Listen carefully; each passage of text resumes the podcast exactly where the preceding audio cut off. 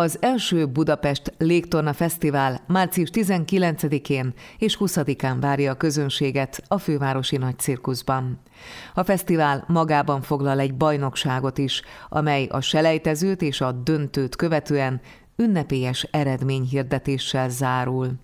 A kétnapos eseményen bárki kipróbálhatja a légtornász eszközöket, megismerheti az ország különböző városaiból érkező légtornász centrumokat, valamint színes kavalkád részese lehet a cirkuszban és a cirkusz épülete előtt.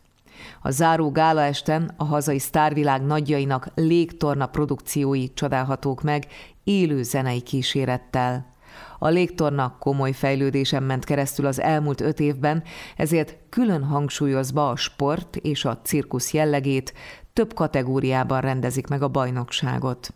A főszervező Vince Tünde, Hortobágyi Károly díjas artista művész 1987-ben szerzett artista művész diplomát a Baros Imre Artista Képző Intézetben, 1987-től 2016-ig aktív artista művész, a legnevesebb társulatok állandó vendégművésze, a Magyar Légtornász Egyesület alapító elnöke, a Magyar Művészeti Akadémia nem akadémikus tagja, továbbá televíziós showműsorok légtornász szakértője, cirkuszi rendező, koreográfus.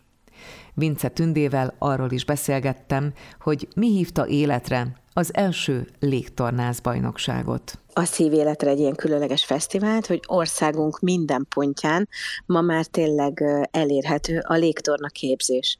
Ugye a gyerekeket általában ilyen 5-6 éves kortól elkezdi érdekelni a különböző látványsportok világa, és ez az a fajta mozgás, ami mindenkit megfog. Ugye a lebegés az mindig egy olyan dolog, ami, ami elszakít a hétköznapoktól, és tényleg bátran mondhatom, hogy az ország legkisebb pontján is ma már elérhető az, hogy valaki kipróbál a légtornát. 126 versenyzőnk érkezik az ország különböző pontjáról, és 134 produkciót láthat a közönség csak szombaton, március 19-én, az selejtező napján. Ugye ebből a 134 produkcióból kerülnek ki a legjobbak, akik másnap, vasárnap délelőtt a döntőben mérik össze tudásukat, és ugye minden kategóriából a három érmes, az aranyezőst és bronzérmes kerül ki, és azt gondolom, hogy ez olyan szinten ö, mozgósítja az embereket, és azt, hogy 9 éves kortól a 40 pluszosokig bárki összemérheti a tudását, hogy ez volt az egyik fő célja annak, hogy megszületett ez a Légtorna Fesztivál a Fővárosi Nagy Cirkuszban. Ön a Magyar Légtornász Egyesület alapító elnöke. Hogyan látja a légtorna, mint sportág fejlődését az elmúlt évekre visszamenőleg, hiszen nagyon sokan, akik bár szeretjük a az artista művészek munkáját és a látványos produkciókat, talán keveset tudunk arról, hogy mit is jelent pontosan a légtorna. Annó, amikor ugye még aktívan dolgoztam a pályán, akkor, mikor megismerkedtem ezzel a sejemszerű anyaggal, ezzel a, a szilker, ugye éri a szilka hivatalos neve, akkor én elhatároztam, hogy megpróbálom itthon népszerűsíteni Magyarországon, hiszen én külföldön kerültem közelebb ehhez az eszközhöz, és a 2000-es évek elejétől kezdve elkezdtem itthon népszerűsíteni, akkor még tényleg nagyon-nagyon kevesen ismerték, vagy hallottak erről az eszközről. Eldöntöttem, hogy én ezt valami amikor szeretném olyan szinten népszerűvé tenni, hogy egy sport ág, vagy egy új látványsport legyen belőle.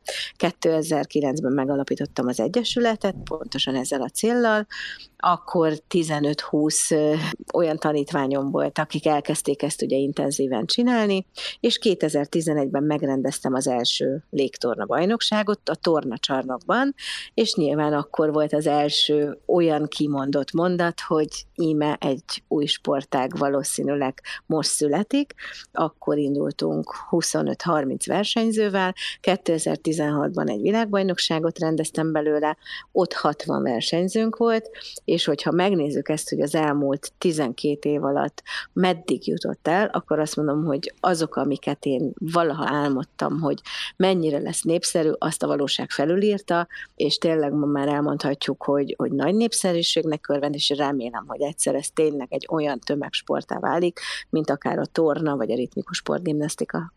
A március 19-i, 20-ai fesztiválon vagy eseményen egy fantasztikus zsűri lesz majd jelen. Olyan neves szakemberek, akik nagyon régóta foglalkoznak az emberi testtel, a test határaival, és maguk is művészként látják ezt a sportágat. Néhány nevet arra kérem, hogy említsen. Igen, hát igyekeztem a zsűrit úgy összeválogatni, hogy minden művészeti képviselje magát. Ugye a tornából jön Berki Krisztián olimpiai bajnokunk, illetve dr. Kalmár Zsuzsanna, aki ugye nemzetközi bíró a tornában.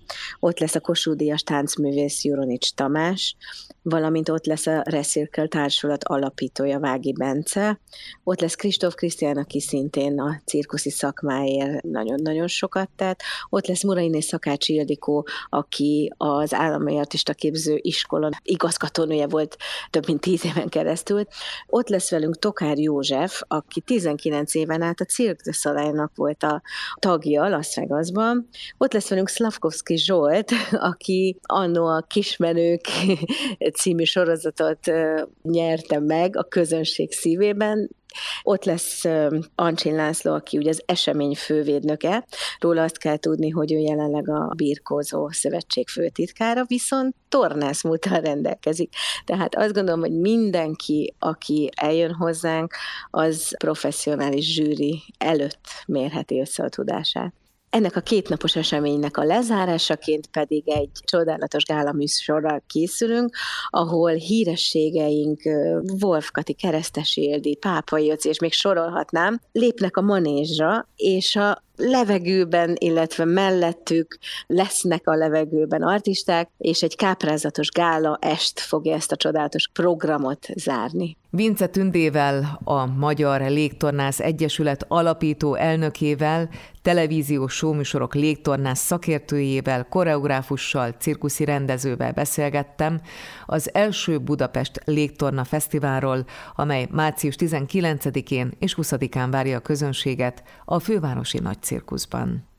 Kedves hallgatóink, a Művészetek Háza Veszprém legfrissebb kortás munkáit bemutató, április közepéig nyitva tartó Érintkezések című textil és ékszer kiállításához március 19-én és április 2-án két exkluzív program is kapcsolódik. Erről és sok más érdekességről is hallhatnak a Papagéno Klasszik folytatásában.